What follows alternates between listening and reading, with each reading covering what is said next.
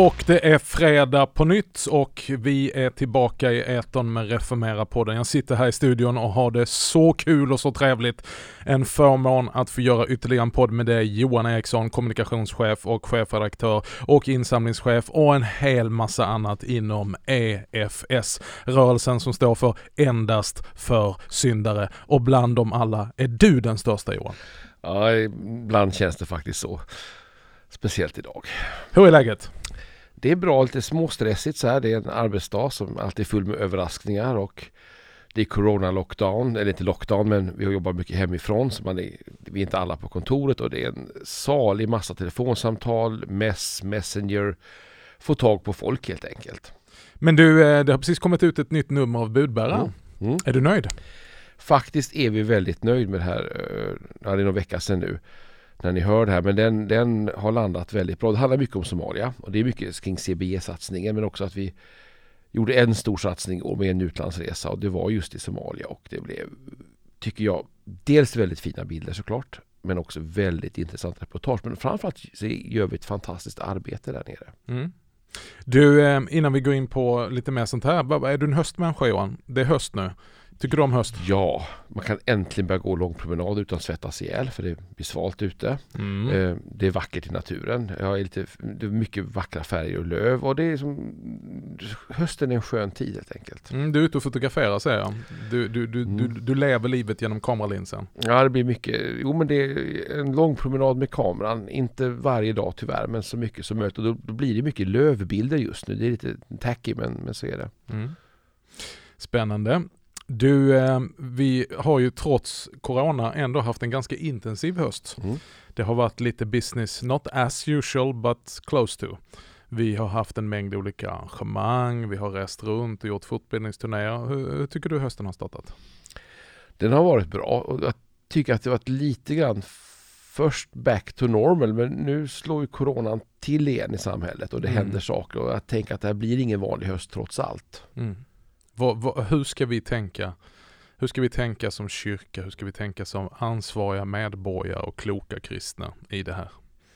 Ja, vi tänker på det jättemycket. Jag tror att det finns ju två diken. Det är den ena är den här rädslan, överdrivna försiktigheten när man övertolkar mm. allt som Tegnell säger och så mm. stänger man ner allting och sitter hemma. Det är inte bra. Det andra är att ha stora fester, umgås som vanligt, kramas och ta i hand som ingenting har hänt, trängas på köpcentrum. Och det är inte heller bra. Så att någonstans finns det en, en medelväg i det här. Och vi har haft på kansliet här i våras så hade vi faktiskt ett par smittofall som inte spred sig. Det konstateras i efterhand att personen haft corona men ingen blev smittad för att vi håller avståndet på jobbet. Vi tvättar händerna jättenoga. Vi följer de här sunda råden och jag tänker att gör man det så är risken ganska liten att sprida det vidare.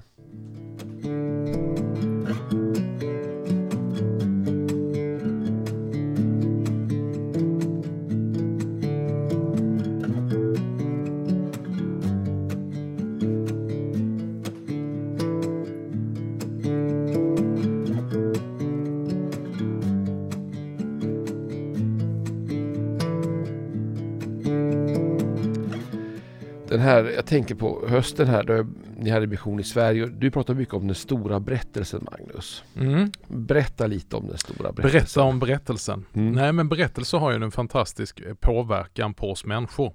Mycket av det som har format oss, mycket av det som eh, vi kommer ihåg eh, är ju, har ju kommit till oss som berättelser. Varenda religion, politisk ideologi, varenda parti, eh, politiskt parti eh, har ju en berättelse man vill berätta. En, en, berättelse som någonstans är den grundläggande idén om tillvaron. Vad är det som har gått fel? Hur ska det ställas till rätta och eh, hur ska det då se ut när det står till rätta? Och då kan man ju liksom lite grann i alla de här berättelserna så, så, så, så, finns det ju bärande element som anknyter på ett eller annat sätt till den stora berättelsen. Alltså Guds folk är ju ett berättelseberättande folk som har fått en berättelse att föra vidare från släkte till släkte den stora berättelsen om skapelse, fall, hur Gud ingår i förbund med sitt folk, lovar dem försoning, kommer genom inkarnationen försona mänskligheten för att sen också ge ett hopp om alltings förnyelse. Men tycker du vi har tappat den berättelsen? Alltså jag, jag tycker det är så självklart det du säger nu att risken är väl att just det som vi tar för givet är det som vi tappar bort. Det skulle vi kunna säga eh, i en kärleksrelation, vi skulle kunna säga det, de mest elementära sakerna. Vi talar precis om corona, att börja tvätta händerna. Eh, jag satt och pratade om det här med, med en annan människa, och sa att det är fantastiskt, vi har nästan inte haft någon av de här vanliga flu season grejerna. Bara för att folk har börjat tvätta händerna och så sa vi till varandra, va? Men brukar inte folk tvätta händerna i vanliga fall? Och vi ska inte uttala oss om det, men det finns någonting av det mest elementära och vanliga som vi ibland tar för givet, som vi tappar bort. För att det är så basic. Ja, det här, jag tycker det är intressant, för jag tänker också att man kan faktiskt berätta, att man kan också, vad man säga, spä ut berättelsen eller förändra den så att man faktiskt berättar den men ändå inte riktigt med hela dess kraft eller hela dess genomslag. Mm, mm. Man kan ta ut olika delar och, och eh, koncentrera sig, aldrig komma, komma vidare i berättelsen. Att man, man kör om liksom första akten om och om igen. Va? Eller man har liksom favoritakter men, men man ser liksom inte sammanhanget. Det är ganska vanligt i kyrkan tänker du säger nu att man har sina favoritakter. Mm. Kan vi inte bena lite i det? Ja men vad tänker du på? Jag tror att vissa frikyrkor har vissa favoritakter. Svenska kyrkan har sin. VFS har antagligen våra. Och det gör att, vi, att berättelsen skiljer sig lite från sammanhang till sammanhang. Mm. Vi brukar tala om helkyrklighet i den här eh, podden och, och, och, det här med helhet är vi kanske en, en utmaning för oss människor på alla livets områden. Alltså att vi, vi, liksom, vi zoomar in på någon form av ytterlighet eller vi går från dike till dike och är väldigt sällan mitt på vägen, liksom omfamnar helheten. Jag tycker också det finns ett, ett mått av egoism när man ibland kidnappar en större berättelse för sin egen berättelses skull. Mm. Och man faktiskt har en agenda som inte alltid går i linje med den stora berättelsen. Mm. Hur tänker du då? Oj, nu här känns lite minerad mark här. Men jag, jag tänker ibland, om jag tar ett exempel då, som jag tror jag kan, det är miljörörelsen. Miljö, jag tror att det är väldigt viktigt med holistisk helhet och att vi har ett ansvar för miljön och så vidare. Men med det sagt så tänker jag alltid om om kyrkans berättelse. Det är en berättelse om helheten, om, om mm. den fullständiga upprättelsen och också i slutändan om Guds dom över mänskligheten och ny himlar och ny jord. Mm. Och vi får inte tappa det perspektivet. Och då mm. tänker jag ibland när vi, vi är väldigt fokuserade vid miljöfrågor så utelämnas den delen för att sätta större fokus på nuet och kanske en förändring i, i, i vår tid som är ganska radikal och, och plötsligt har man tappat bort den större berättelsen. Mm. Och det är det, det här både och perspektivet, att hitta balansen, alltså helheten som presenteras. Enklast egentligen i trosbekännelsen. Med, med, med Gud Fader allsmäktig som skapar av himmel och jord. Att därför vi bejakar det goda med skapelsen och att han skapade människor. Eh, där kan vi komma en ytterlighet när vi kommer in i andens verk och andens värld, att vi, vi lättar lite från jorden och, och nästan börjar bete oss som, som eh, att problemet skulle vara det mänskliga. Och så slutar man eh, omfamna och bejaka det här att vara människa, men jag tänker att frälsningen görs inte till mindre människor eller mindre mänskliga, utan mer mänskliga. Mm. Det tycker jag är spännande vad frälsningen gör med oss, för jag tänker att det är ett liv med fokus på evigheten mm. och fokus på de eviga värdena. Men ett liv här och nu. Mm. Och då blir ju allting viktigt. Mm. Den mänskliga rättvisan blir viktig. Absolut. Miljön blir viktig. Mm. Hur jag möter min medmänniska och skapelsen är en fråga egentligen som speglar in i den större bilden.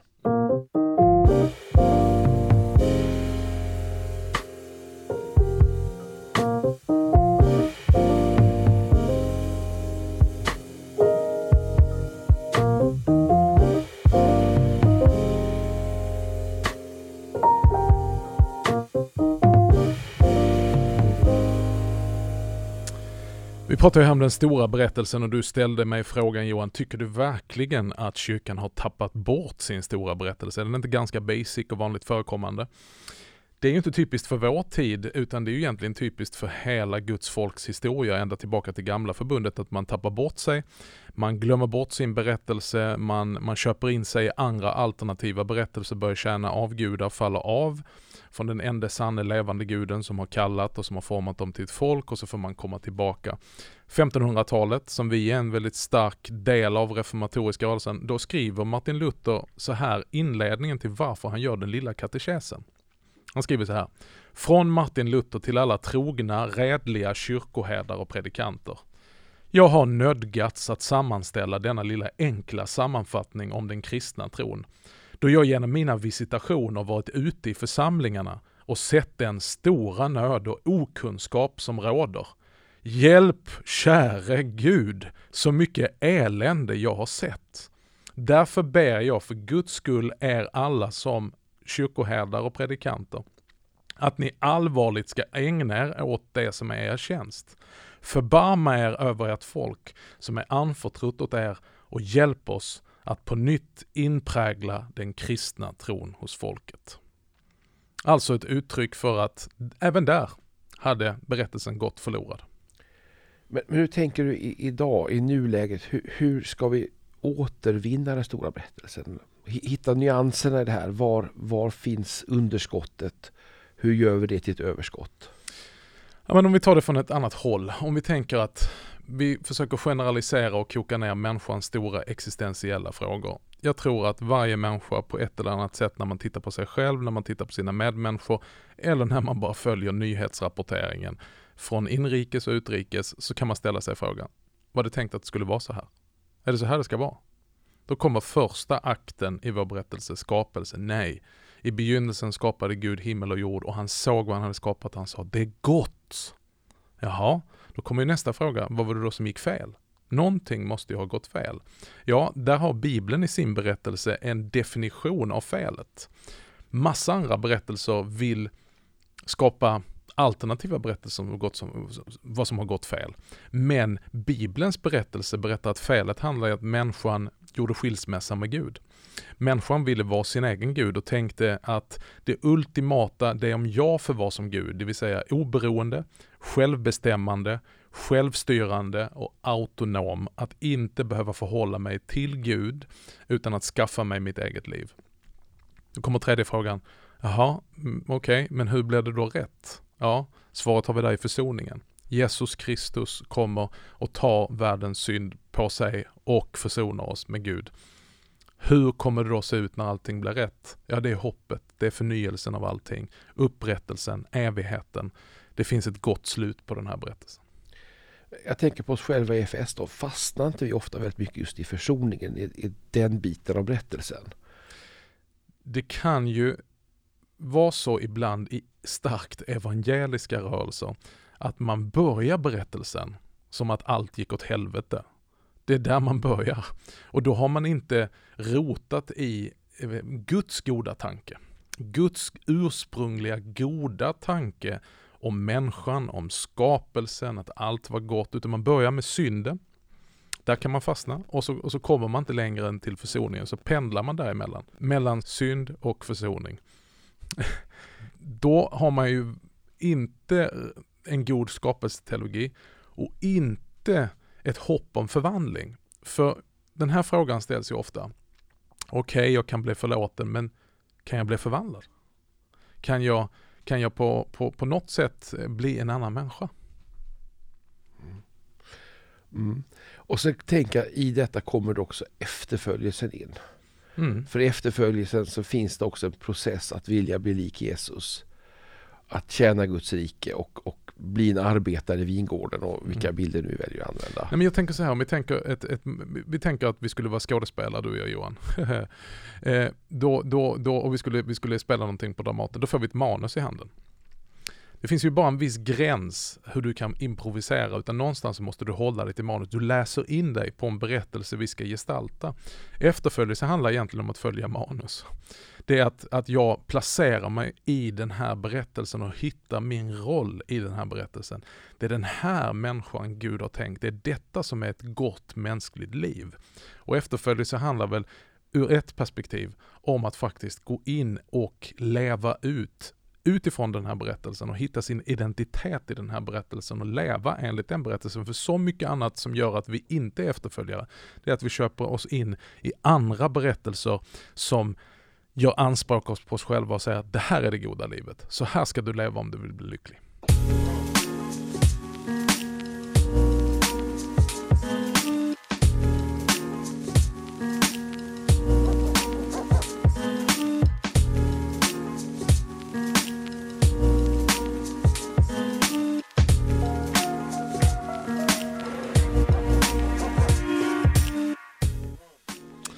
Det finns ett eh, bra citat av Matt Capps från The Gospel Project och det är så bra på engelska så att jag ska försöka eh, eh, säga det på engelska. Han säger så här, “People are stuck in a counterfeit story and therefore they need to be restored in order to be restored into God's purpose. Jag tycker det är vackert. Restored in order to be restored. Alltså, vi behöver återberätta så att folk kan bli återupprättade. Många människor, det, det, har vi säkert erfarenhet på ett personligt plan och när vi har mött människor, det är att man är fånge i, under en, en förbannad berättelse. En berättelse och hårda ord som kanske uttalas av föräldrar, som kanske uttalas av olika sammanhang, som har bara liksom matat in en berättelse om vem du är, varför du är hopplös, varför ditt liv är meningslöst, varför du är värdelös. Och så är man fången i den berättelsen. Men man kan också vara fången i den här mer moderna berättelsen om vad som är ett lyckligt liv. Och i jämförelse med den moderna berättelsen så har jag ju då inget lyckligt liv. Eftersom jag eh, har satsat helt fel i så fall. Ehm, och då kan man vara fången i den falska berättelsen. Och därför så behöver vi hjälpa människor ut ur den berättelsen och in i en berättelse som skänker människan faktiskt återupprättelse. Jag tänker på det här med att söka lyckan också. Det är som att idag så söker människor den berättelse som ger dem största lycka för stunden. Mm. Och, det blir väl, och då, och då, kan ibland vår berättelse vara svår att berätta faktiskt. Mm. Men vem, hur tänker du Johan, vem har tolkningsföreträde? Eller hur uppfattar folk det idag? Vem har, är det bara att välja som på ett smörgåsbord? Alltså min spaning är att, att, att den, de som växer upp idag, de, de har väldigt många möjligheter. Också ett val att, att ange narrativet i sitt liv och faktiskt välja bort det man tycker inte passar in. Och det gör att, att när inte de egna berättelserna eller de lånade, inte går ihop längre så har man svårt att också känna förtroende för andra berättelser. Och man vill kanske gärna då välja och vraka som sägs bland berättelserna. Och, och, det tänker jag att där får vi en utmaning med evangeliet och vår berättelse för den måste kanske också då delvis kläs i andra ord. Jag tänker ju att på ett sätt så behöver man inte se alla andra berättelser som konkurrerande berättelser. Utan jag tänker att alla berättelser på något plan berättar eller connectar med den stora berättelsen. Eftersom, vad säger vi ser en rulle på, eller rulle säger man inte längre, men en, en film på Netflix eller någon streamingtjänst. Det finns ju också andra streamingtjänster. Eh, så eh, eh, finns det ingångar, alltså det handlar lite om samma sak. Kan du prata nu för nu behöver jag hosta. Okej. Okay. Nej men jag tänker att, att, att, många av de här berättelserna som faktiskt blir episka i vår kultur, de kopplar in den stora berättelsen. Jag tänker som på Sagan om ringen och Star Wars och det här de kopplar ju väldigt starkt egentligen, inte kopierar och lånar friskt av den stora berättelsen. För jag tror att den ligger i människans natur. Vi känner igen oss nästan genetiskt i den stora berättelsen. Precis, alla berättelser handlar ju på något sätt om det här, det onda och det goda. Brott och straff, försoning och förlåtelse. Ehm, det, det är liksom samma trauma eller drama som spelas upp i berättelse efter berättelse. Det är någonting som har gått fel. Och någon hjälte måste komma in för att fixa det här som har gått fel och ställa allting till rätta så att alla kan leva lyckliga alla sina dagar efter det. Och jag tänker att vi måste vara frimodiga att berätta den stora berättelsen. Ibland tror jag att vi av rädsla då för samtidskulturen, för missförstånd, för folks eh, oförmåga att förstå väljer att faktiskt tona ner berättelsen och så vidare. Men här behöver vi vara frimodiga och, och, och predika evangelium helt enkelt. Exakt. Och vi kanske också ännu mer behöver utveckla det som vissa teologer kallar för det dubbla lyssnandet. Karl Barth blev ju väldigt eh, populär, eh, och, och, eller känd för ska jag säga, att en predikant måste stå med bibeln i ena handen och dagstidningen i den andra. Och inte försöka tolka bibeln utifrån dagstidningen, utan försöka tolka dagstidningen utifrån bibeln. Men att vi har det här dubbla lyssnandet. Det finns ett intressant sammanhang i Apostlagärningarna 17 när Paulus kommer till Aten. Och det står det att då, då, går han runt liksom på någon sorts sightseeing i stan. Och sen när han ska tala då hänvisar han till detta. Han säger att Atenare, jag ser av allting att ni är mycket religiösa. När jag har gått omkring och sett era gudabilder har jag nämligen också funnit ett altare med inskriften åt en okänd gud. Vad ni alltså tillber utan att känna, Det är det jag predikar för er. Och sen citerar han en av dåtidens eh, skalder, alltså det vill säga en, en, en, en poet. Eh, det skulle kunna vara som att vi citerar någonting som finns på topplistan eller någon, någon samtida eh, liksom diktare eller eh, författare. Alltså, han är i kontakt med de berättelserna som sker i det här hedniska samhället och ser att ja, men de är också religiösa. För människan är kroniskt religiös. Hon kan inte sluta bli religiös, hon bara byter objekt som hon tillber. Och vi behöver kanske utveckla det här dubbla lyssnandet och observationen och se vad är det för några altaren som är resta? Vad är det för några gudabilder som människan tillber och varför måste människan instinktivt ha någonting att tillbe, någonting att förtrösta på, någonting att ta sin tillflykt till. Och varför är det inte Gud? Nej, men det, här, det här tycker jag är mitt i prick. Frågan är i vår spaning, vad finns det för altare idag? Alltså, vad ser du för altare, Magnus? Ja, jag, jag tänker ju att eh, i, i den här tiden när vi talar om att människan är så otroligt sekulariserad så tänker jag att människan är hysteriskt religiös. Vi gör nästan allting idag, mer än någon gång innan, med religiös fanatism. När vi läser matreglerna som finns i gamla förbundet så kan vi ju skratta. Va? Får man inte äta det och varför får man inte äta det? Men det där påminner om ett samtal som man skulle kunna haft 2020. Idag hämtar ju många människor rättfärdighet utifrån att äta rätt, leva rätt, träna rätt. Den här matfrågan har ju blivit så otroligt politisk och har blivit en del av åsiktskorridoren och en rättfärdighetsfråga. Så att man kan ju få under ögat om man äter för mycket kött. Man kan ju få under ögat om man, ja och så vidare, eller hur? Jag tycker, det är mitt i prick igen. Jag tycker också det finns en annan spaning. Att, jag tror det står att, uh, om atenarna faktiskt i samma passus i Bibeln att de levde för nyheterna för dagen. Mm, och vi lever väldigt mycket i nyheterna. Mm. Presidentvalet i USA, mm. Corona, miljökatastroferna, uppvärmningen. Alltså vi lever väldigt närvarande i, i allt som händer i världen. Fast det inte berör oss så mycket i praktiken. Nej, men jag tror att det är människans inbyggda behov av att vara rättfärdig. Vi talar ju ibland och säger att ja, ah, men människor tänker inte om rättfärdighet längre. Men sanningen är att alla människor vill vara rätt i förhållande till de ideal som framhålls just nu. Så därför är vi väldigt mycket i kontakt med hela tiden de här små snuttifierade små berättelserna till skillnad mot den stora berättelsen som ständigt kommer. Man brukar ju tala om den stora metanarrativens kollaps. Att förr i tiden så handlade allting om den stora berättelsen och det fanns någon form av i västvärlden en kristen grund som man tolkade allt igenom. Nu kommer det hela tiden mindre berättelser som inte har några långa linjer bakåt och inga lång hållbarhet framåt. Men där du då vill, eh, det är viktigt för dig, vem röstar du på? Biden eller Trump? Och det ligger ganska långt bort ifrån oss även om det påverkar oss men då är det liksom, då vet man om man är rätt eller fel beroende på vem du säger där. Och så har det att göra med rättfärdighet och det kan direkt utmana människans behov av att känna sig liksom rätt. Och kanske en banal sak, men så en mängd olika sådana små frågor blir viktiga för oss för att uppfattas som rätta och riktiga. Mm. Mm. Ja men så är det verkligen. Jag, jag ska byta bil nu. Jag tänker hela tiden på Precis. vilken jag ska välja. Liksom spegla min personlighet på rätt sätt. Men också praktisk att köra och lagom dyr.